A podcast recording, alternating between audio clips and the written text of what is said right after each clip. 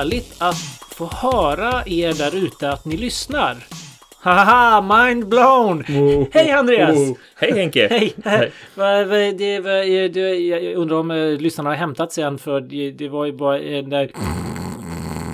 Vad är det som händer här just nu? inte. Vad är det vi... Fasken, vad gör vi för någonting? Var, varför har folk lyssnat? Varför lyssnar folk på detta Andreas? Ja, jag vet inte för du bara babblar. Exakt! Ja. Vad heter våran podcast Andreas? Vad ska vi titta på? Precis! Och förklara, vad gör vi här? Vi sitter och snackar film va? Vi snackar film om ett specifikt tema varje vecka Henke. Mm. Vi samlas här du och jag. Idag ska vi prata om någonting som är ett krig, inte andra världskriget idag, utan Vietnamkriget. Precis, och Vietnamkrigsfilm Ja. är väl temat. Ja, precis.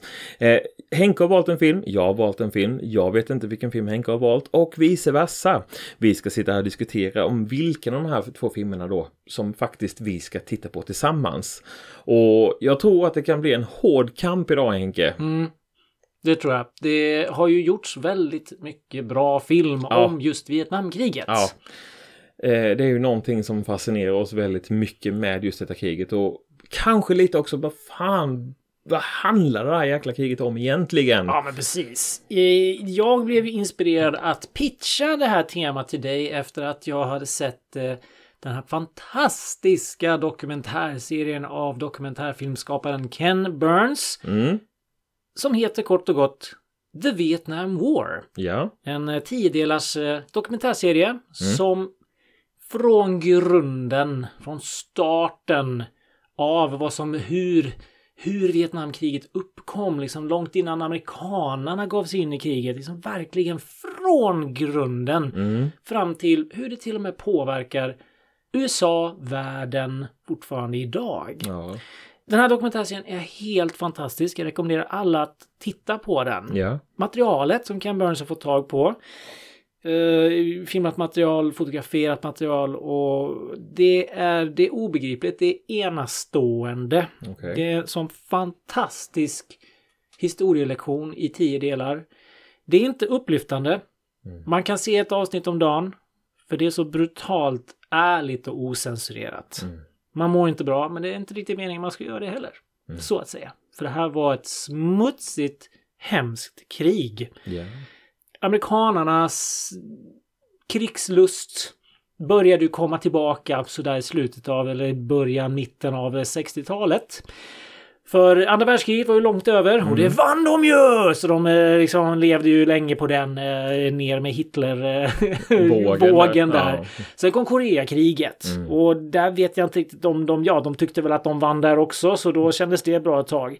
Men sen plötsligt fanns det ju liksom inte direkt något krig. Och då tyckte ju de, då, amerikanerna tenderar ju tyvärr att leta en fiende där det kanske inte finns en. De vill kriga, det är deras natur, de vill vinna. Så är det bara. Kultur är häftigt. Eh, sen kan den också vara väldigt krigisk, tyvärr. Då. Men fransmännen var ju inne och härjade ett tag i Vietnam tills de insåg att vi har nog fan ingenting här att göra. Nej. Och då tyckte amerikanerna, höhö, nu har vi en chans här igen att visa att vi är bättre än fransmännen. För fransmännen kapitulerade ju i andra världskriget och det får, det får de fortfarande höra från amerikanerna. Ja, ni är bra på att ge upp. Det är så ett stående skämt och det är väl väldigt elakt men det ligger väl viss sanning i det kanske. Inte fan vet jag. Amerikanerna och deras krigsstolthet, den är obegränsad. Så då tyckte amerikanerna, ja men här, oh, va? Vad heter det? Kommunism? Ja men det tycker vi inte om. Det hade de ju varit och härjat med Ryssland också i kalla kriget. Jajamän. Lite innan dess. Ja. Så kommunism, det, det, då, det, det är på tapeten nu liksom på 60-talet då. Det, är- det är inte bra. Nej. Ja men okej, då skickar vi över 200 000 totalt stackars män och kvinnor till ett land ingen känner till kan knappt klara sig i liksom det tropiskt land. Och ja, två, över 200 000 am- amerikanska män och kvinnor dog där för att inte tala om vietnameser som dog under det här jäkla kriget Mm. som pågick i över ja, i 10-15 år eh, bara för amerikanerna där och det gick liksom inte att vinna. Men de, de sket i det för de var de var arroganta, de, de vägrade ge sig och allt det här då. Så det bara fortsatte och fortsatte och fortsatte. Ett hemskt krig. Alla krig är hemska, men det här var så onödigt.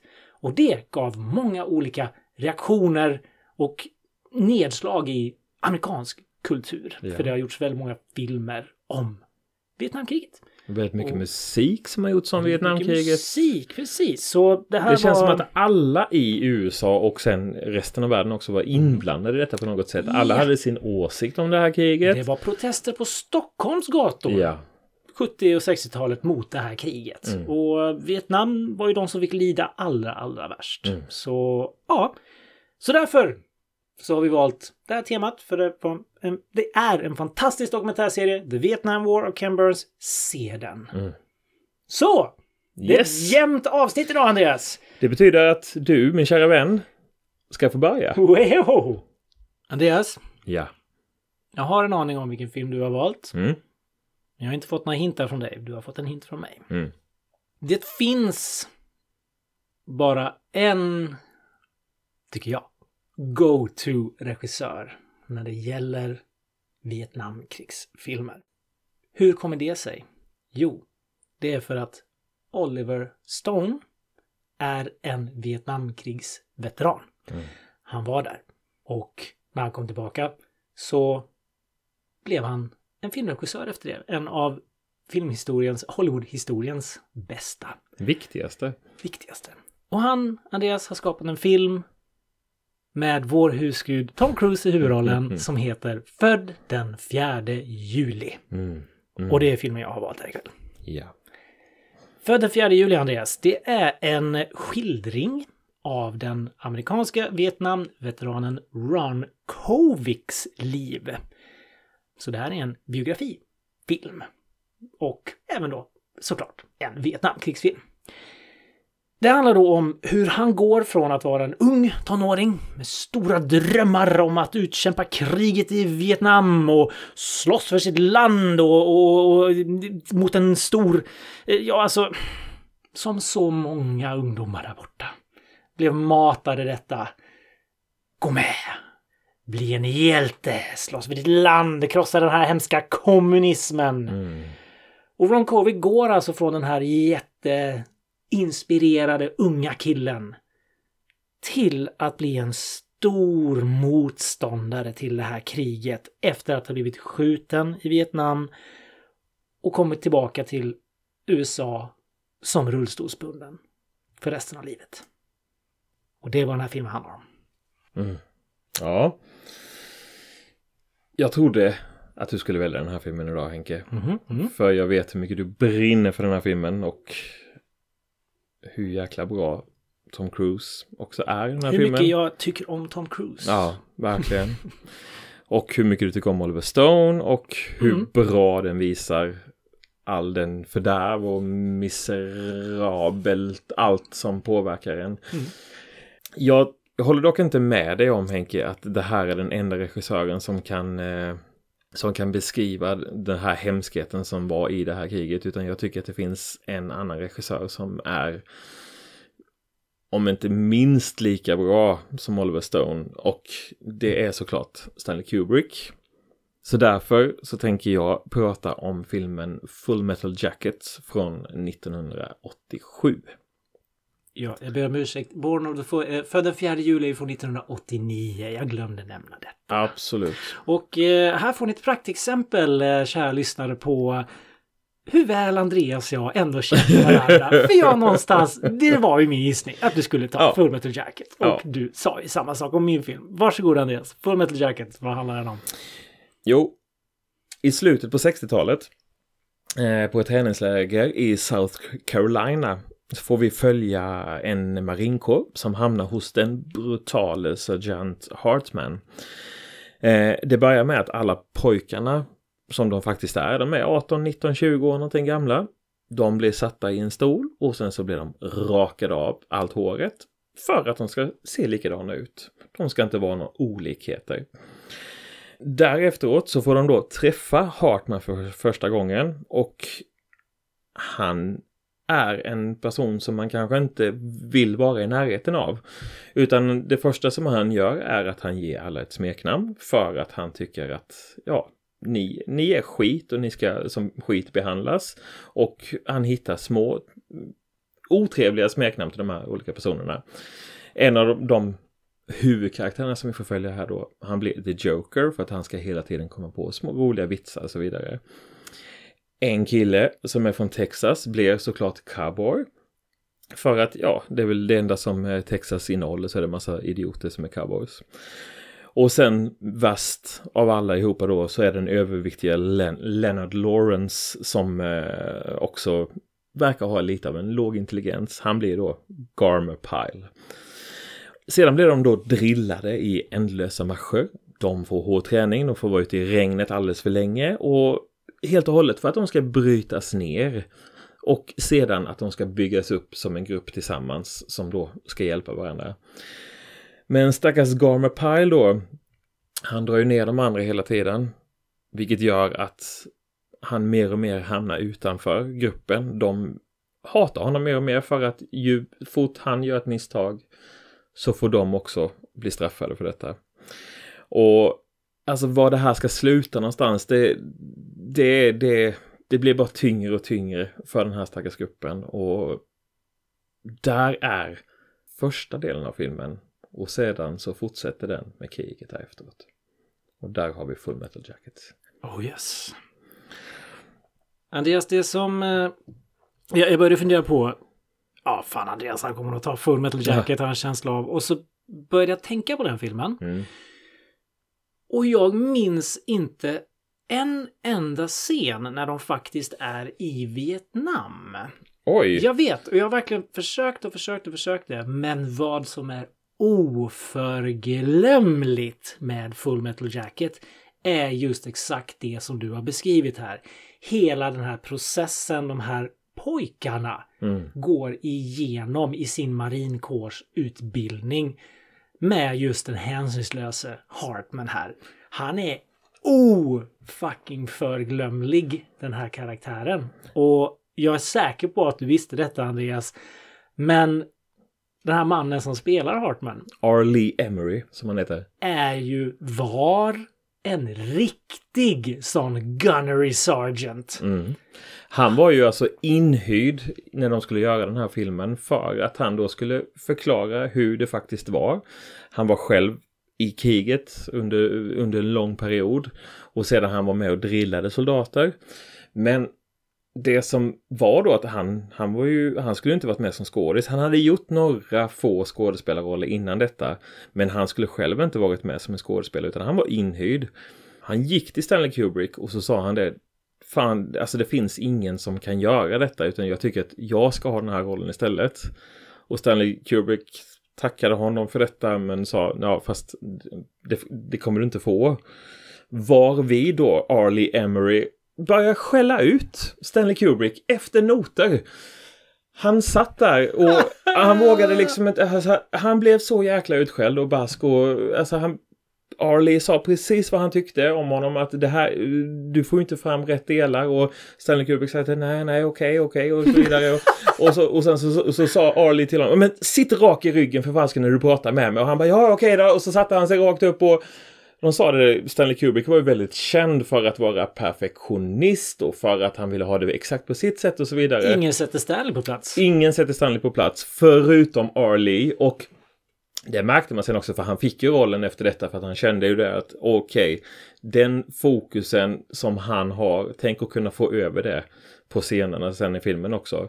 Och det, det bisarra var att Stanley då återigen, han var känd för att göra kanske 40 tagningar per scen. Han bara gjorde om det, gjorde om det, gjorde om det. Med R. Lee så gjorde han två tagningar per scen för att han, han var så perfektionist han också. Han visste precis vad han ville ut av varje scen och de hade i detalj då, alltså det har varit mycket snack så här om att det var mycket att han bara liksom pratade i det fria men han och Stanley hade minutiöst planerat detta. De visste för exakt de visste vad- precis vad de ville ha ut, ja. Så att det, och, men det som jag tycker är konstigt också med den här filmen, för det är just många som säger det att den är verkligen i två delar. Den första delen då är på utbildningen och den andra delen är i Vietnam. I verkligheten så spelar de in det tvärtom. De gjorde alla Vietnam-scenerna först. För att de skulle ha ett lite annorlunda utseende och så vidare innan de gick i över till det här, det här pojkstadiet och så vidare. Mm. Men jag tycker ju den andra delen nog faktiskt är den bättre delen av dem. Alltså jag, jag tycker att det här är en enormt stark film för att när man då har fått följa de här personerna först, man får se vilka de blir, för de är alltså det är kanske tre månaders utbildning eller någonting som de har och när de sedan tar sig vidare till kriget så är de så redan där. De har påverkat, de har blivit förändrade så pass mycket in i själen hurdana de är. Jajamän. Och det påverkar ju dem sen också. Det, det kommer ju, man får ju följa vissa av de här karaktärerna över i kriget också. Men sen är det ju rätt mycket nya karaktärer för de blir ihopsatta med olika, olika soldater hela tiden för att folk stryker med och det är ju ett krig. Det är ju, det är ju ingen säker plats att vara på utan man vet aldrig vad som, vad som kan hända. Men jag tycker just det hur de skildrar just det här för att när de väl kommer till kriget så kanske kriget har pågått i fem, sex år eller någonting och de är de som är där, de har redan sett så pass mycket som gör att de aldrig kommer kunna bli normala människor igen. Och det finns väl vissa, du vet, det, Apocalypse Now med eh, Marlon Brando. Det är också en sån resa in i alltså in, in i det eh, psykologiska, hur man blir påverkad. Och det är ju, det var ju, alltså Francis Ford är ju en mästare på det, men också Stanley Kubrick. Och sen även Oliver Stone som vi kommer få höra mer om här för att just den resan som Tom Cruise gör i För den 4 juli. Det är, här är ju verkligen någonting han visar en helt annan sida än vad han har gjort innan. Exakt, det här är ju det här är kanske den viktigaste rollen någonsin för Tom Cruise. För han var ju en pretty boy innan. Han Ja. var snyggingen med leendet. Ja. Mm. Cocktail, Top Gun och allt det där liksom. Och, och, det- ja. Så här så bryter ju han detta totalt. Han, han, är, ingen, han är inte särskilt vacker i, i den här filmen för att han är en nedslagen man. Han är en uppgiven man. Mm. Och som så många andra som kom tillbaka från det här Mm, mm. kriget då. Och Tom Cruise blev Oscar-nominerad för den här rollen. Ja, han, han bär denna film. Mm.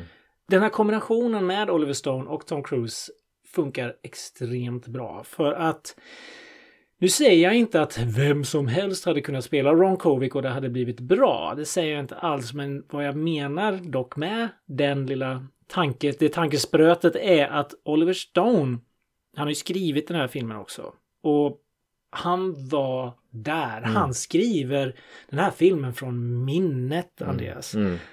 saker som sker i filmen är liksom hämtat från hans egna upplevelser. Och grejen också med Oliver Stone som filmskapare, inte bara som Vietnamveteran, utan som filmskapare. Andreas, mellan 1986 och 1994 så kunde inte Oliver Stone göra fel. Mm. Den mannens CV alltså från de här, den här perioden, det är en annan extremt bra Vietnamfilm, Plutonen. Mm. Samma sak där. Oliver har skrivit den och Mm. han har regisserat den. Och där har vi ju Charlie Sheen till exempel, Willem Dafoe, Tom Berenger. Och det är en annan typ av Vietnamfilm än vad För den 4 juli är. Och Oliver Stone gjorde tre Vietnamkrigsfilmer.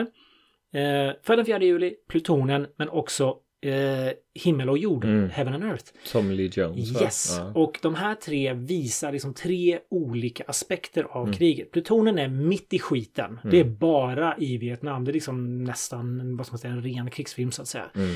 För den 4 juli är istället där man får se alla olika vinklar hur det amerikanska folket blev påverkade av det här. De som var för kriget, de som var mot kriget. Hur, hur, hur veteranerna blev behandlade när de kom hem och vad de fick genomlida efteråt. Mm. Medan himmel och jord är mera efterkrigstid, liksom posttraumatiskt stresssyndrom och sådana grejer istället. Så behandlar han den biten också. Utöver detta, ja, Karn har regisserat eh, ja, JFK, en liten film som eh, jag tycker är helt okej. Salvador, fantastisk film. Wall Street, The Doors. Nixon, Any Given Sunday, Natural Born Killers. Vad fan är det som händer, Andreas? Oliver Stone har s- ja. skrivit Conan Barbaren. Han har skrivit Scarface. Oliver Stone kunde inte göra fel mellan 1986 och 1994. Ja, men just de här, just, det är ju rätt så intressant, tänker jag, så, som du beskriver, just de här åren för att om man jämför med Stanley Kubrick, han hade ju, han var ju, som sagt, han var perfektionist. Den här filmen, Full Metal Jacket, Matthew Modine som spelade The Joker här i filmen, han, han, han gifta sig, hans fru blev gravid, hans barn, han blir ett år gammalt innan den här filmen blev klar, efter, alltså efter som de hade filmat färdigt. Wow. Och det, alltså, han, han tog ju så här extremt lång tid på sig alltid när han skulle göra filmer. Och efter den här filmen, eh, alltså när han gjorde Full Metal Jacket gjorde han 87. Nästa film han gjorde var Eyes Wide Shut 1999 och det blev den sista filmen han gjorde. Alltså han gjorde ingenting däremellan utan han är lite som James Cameron. Just att han eh, snöar in sig så mycket på Ja. ett projekt och sen så...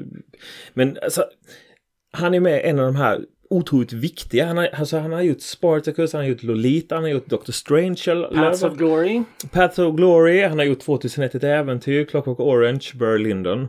Och The Shining får man inte glömma heller.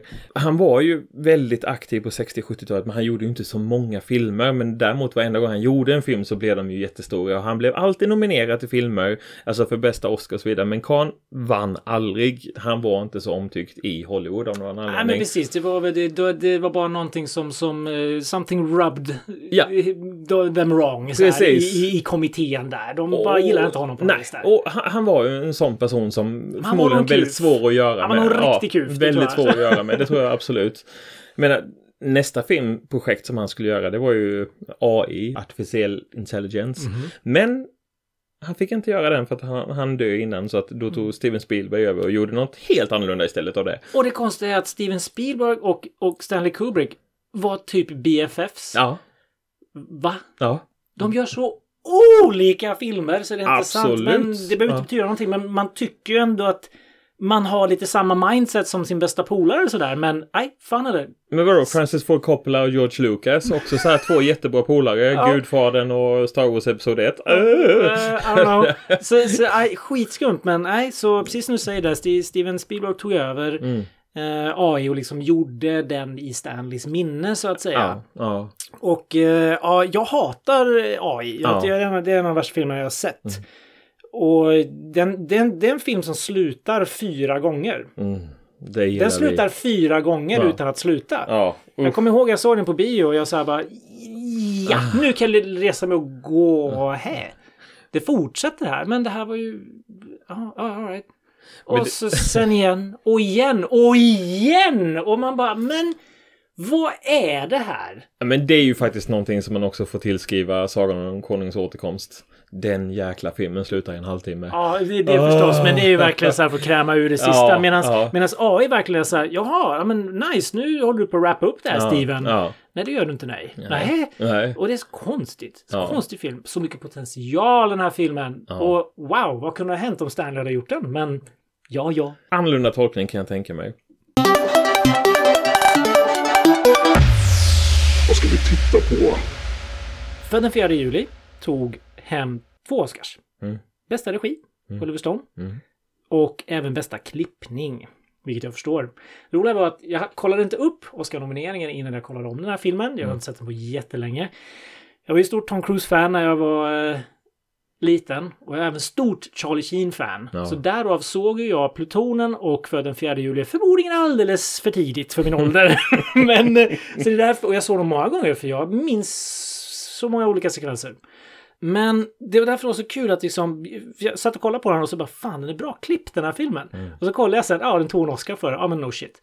Och den var även nominerad då Tom eh, Cruise själv då för sin roll. Och sen så bästa film, bästa ljud, bästa musik, bästa manus och bästa foto. För det tänkte jag också, fan en snygg film den här filmen. Alltså, så det var kul att sitta och reflektera över och sen så se att ja, det är andra som har uppfattat detta. Och, och då ska du veta Andreas, Oliver Stone vann även Oscar för bästa regi för Plutonen. Ja, det. Det säger en del om när man skriver från hjärtat, Mm. från själen, från hemska upplevelser, får ner detta på papper, får det ner på celluloid och kan frambringa det på det viset han gör. Mm. För som sagt, det är inte jättemycket som utspelar sig just i Vietnam i den här filmen.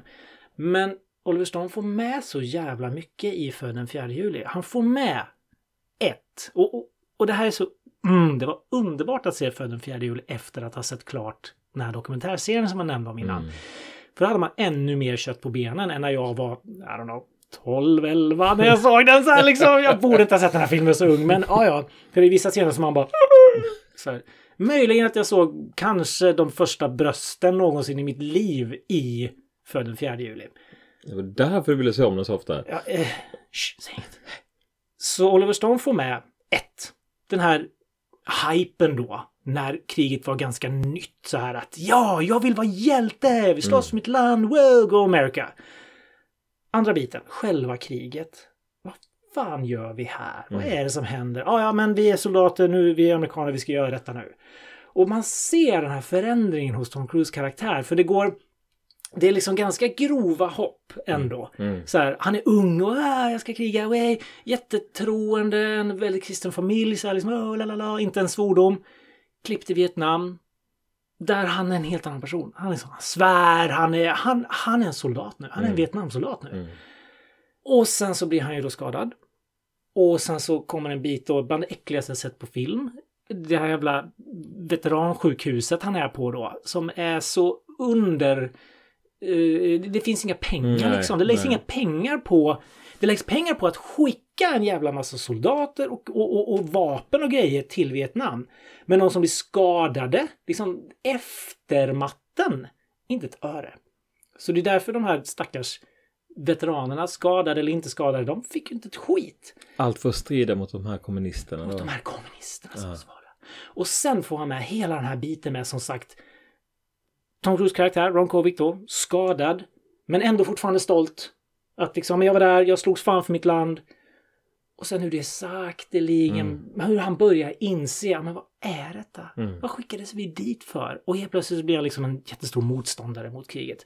Och det är så jäkla välgjort det här för att det ser så jäkla bra ut. För nu har jag ju sett det här riktiga materialet. De här collegeupploppen. Där polisen sköt studenter. Oskyldiga studenter som bara stod upp mot kriget och ville protestera och höja sin röst och göra sig hörda. Ungdomar dog i- USA.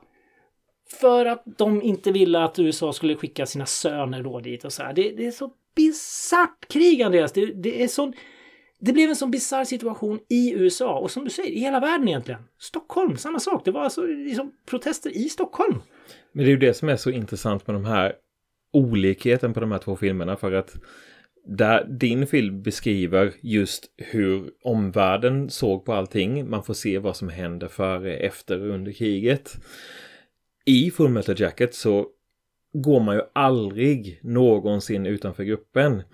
När man kommer till kriget så får man ju, då är det ju ett, ett alltså The Joker, han är ju journalist så han är ju med då och ska Alltså han ska följa ett team men man, men man går ju aldrig utanför vad någon annan tycker och så vidare. Att vietnameserna i sig, de ses ju bara som ett verktyg för att ja, antingen så hjälper jag er eller så skjuter jag er.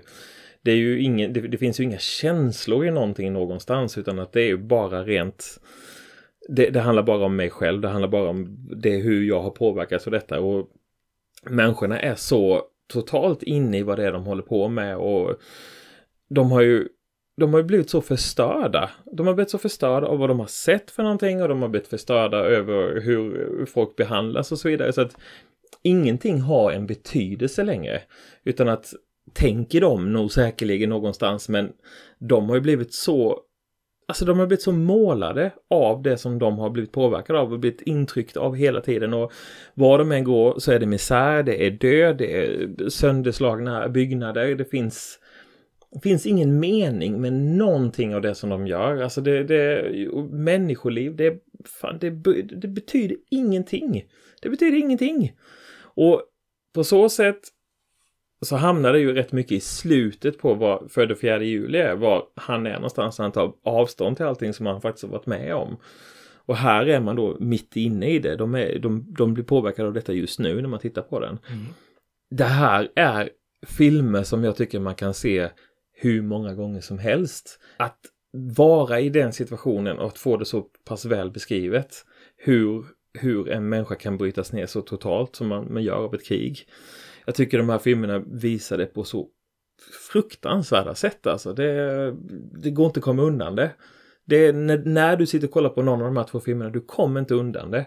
Utan du blir, du, du, du, du, du, du bara trycks ner i det. Åh, fy fan. Ja. Jag tror, jag tror inte vi kan riktigt Nej. välja än Andreas. Det, det går inte för det här är ju Det här är ju två av de topp fem eh, Vi- Vietnamkrigsfilmerna som finns där ute och eh, Jag kan inte lägga ner Full Metal Jacket. Nej, men exakt. jag måste Det- samtidigt också se eh, för den 4 juli. Och jag vill se om Full Metal Jacket för som jag sa till dig innan. Vad fan, varför kommer jag inte Mm. ihåg Vietnamscenerna? Jag minns allt med Marine Corps-utbildningen. Ja. Och hela den biten med Private Pile och allt det där. Ja. Så väl. Mm. Kan citera saker därifrån. Men av någon anledning, Vietnambitarna, bara, jag har bara tappat dem ur minnet. Så jag vill absolut det- ja. fräscha upp detta. Jag, jag tycker verkligen att vi ska göra detta för det kommer bli en jobbig kväll Henke. För att det, det, det, kommer verkligen att kännas. Men jag tycker vi ska utsätta oss för detta för att det här är två så jäkla viktiga filmer. Av två så otroligt duktiga regissörer. Ja, men alltså, vi har ju valt bland... Det är, det är två filmer av filmhistorien, bland filmhistoriens bästa regissörer. Så det, det är sån kvalitet på de här filmerna. Sen måste jag också säga att det finns ju en jävligt rolig grej här också om man kollar på mm, Sergeant Hartman då. Han, han gör ju om sin roll i The Frighteners. Just det. Där han då, Just en det. film som utspelar sig mycket, mycket senare, där han då är ett spöke med samma karaktär. Och det är ju Peter Jackson som har gjort den fantastiska The Frighteners. Med Michael då- J. Fox. Precis, och där är han då liksom, han basar över en kyrkogård. Han har ju inte lagt ner sin karaktär. Och det är så hysteriskt jävla roligt alltså. Så den måste jag flika in lite också. Absolut.